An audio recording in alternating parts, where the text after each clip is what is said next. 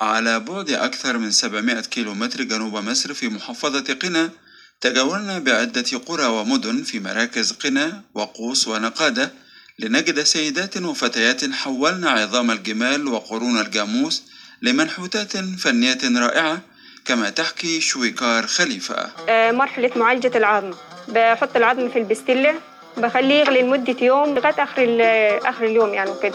بحط فيه مادة البوتاس وبعد كده بديه البنات يقطعوه. بعد ما يقطعوه بيصنفروه بعد مرحلة الصنفرة باخده وأروح أحطه في مرحلة الأكسجين والنشادر. وبعدين بديه البنات يركبوا مني الكستر أو الطلب اللي هم عايزينه. ويحتاج نحت الشكل الفني من عظام الجمال وقرون الجاموس لبعض الوقت والتركيز والدقة كما تقول جمالات رضوان مشرفة بإحدى الورش في قنا. بندخل بعد كده على المرحلة الثانية وهي مرحلة التطبيع بتبقى بالشكل ده. بعد كده بندخلها على مرحلة الصنفرة وبعد الصنفرة بنعملها بالأكسجين والنشابة ندخل بعد كده على مرحلة آه، التركيب بيكون بالشكل ده. يساوي هنا ويظبط ويركب هنا في النهاية المنتج بقى بيبقى معانا بالشكل ده. ويشارك البرنامج الإنمائي للأمم المتحدة بمصر نساء مؤسسة النداء بمركز نقادة بمحافظة قنا لإحياء صناعة الحرير المعروفة بالفركة من خلال تربية دودة القز وإنتاج سجاجيد يدوية ذات ألوان جذابة لكن الأمر لا يبدو سهلا ويحتاج لجهد ووقت ومراحل محددة كما تقول أم علي. الدود بيجي لنا بيض كده في ال sheet ده. فبندخله أوضة الفقس. بعدين بيدخل كده اسمه فقس بيدخل عمر إيه؟ أول. العمر الأول ممكن يقعد أربع أيام أو ثلاث أيام بالاكثر أربع أيام واليوم الخامس يعني صيام. بيقعد له يوم أو يوم ونص صيام في العمر الأول. بعدين إيه بيفطر بندخل عمر تاني يعني بيبقى العمر التاني. والعمر التاني ده عمره قصير ممكن يقعد له يوم أو يوم ونص أو يومين ويدخل صيام تاني. بعدين يخرج يطلع العمر الثالث بيقعد له ثلاث أيام أو أربع أيام بعدين صيام. بعدين يدخل العمر الرابع والعمر الرابع برضه أربع أيام واليوم الخامس بيصيم فبعد الصيام بيدخل إيه العمر الخامس يعني. خلاص على كده آخر مرحلة دي يعني. هي دي اللي فيها إيه نسبة الإنتاج بتاعنا. بيقعد له خمس يعني سبع أيام أو عشر أيام.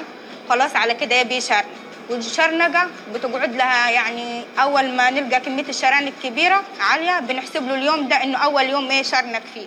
بيقعد له سبع أيام ونلم الشرانق استطاعت الأيدي الناعمة لسيدات وفتيات نقادة بمحافظة قنا إنتاج الحرير الطبيعي من دودة القز في تجربة كانت في بداياتها أقرب إلى المجهول كما حكت لنا سمية علي وريم حمدي. أنا ما كنتش أعرف حاجة عن النول خالص النول اليدوي ولا السجاد ولا الحاجات دي ما كنتش أعرف عليه حاجة.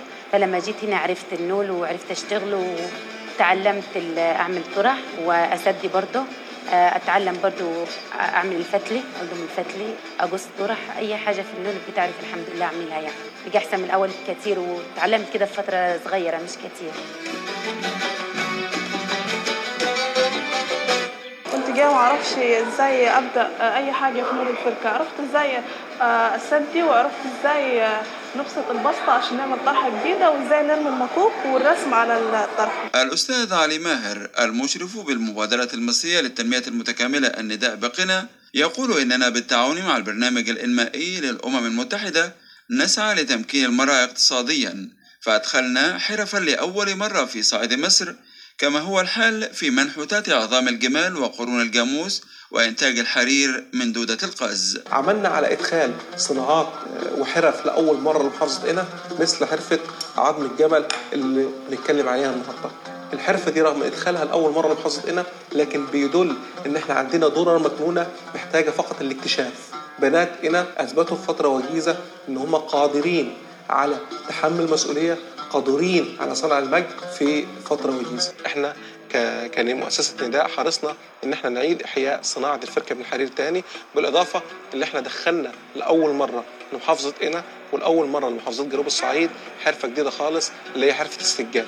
إحنا دخلنا الحرفة دي ودلوقتي زي ما شفتوا النهارده بناتنا بقوا يجيدوا حرفة السجاد اللي هي أول مرة تخش بالإضافة اللي إحنا علمنا بنات جديدة وطورنا الحرفة اللي موجودة. وتستمر شراكة البرنامج الإنمائي للأمم المتحدة مع الشركاء كمؤسسة النداء لمرحلة جديدة يتيح فيها برنامج الأمم المتحدة دعما بقيمة 100 ألف دولار تستهدف تعزيز جهود تحسين الظروف الاجتماعية والاقتصادية في صعيد مصر واستخدام منهجيات متكاملة لدعم النمو الشامل والمستدام كما يقول السيد أليساندرو فراكيستي الممثل المقيم لبرنامج الأمم المتحدة بمصر.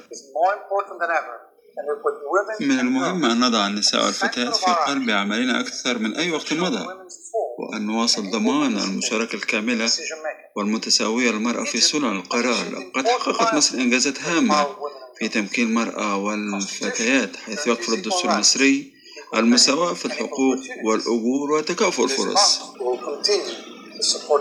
سنستمر في دعم الحكومة المصرية لتمكين المرأة والفتيات من خلال الاستثمار في صحتهن تعليمهن خاصة التعليم الرقمي بالإضافة للفرص الاقتصادية.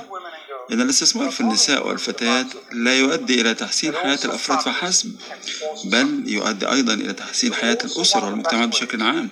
هي أيضا واحدة من أفضل الطرق لتحقيق أهداف التنمية المستدامة.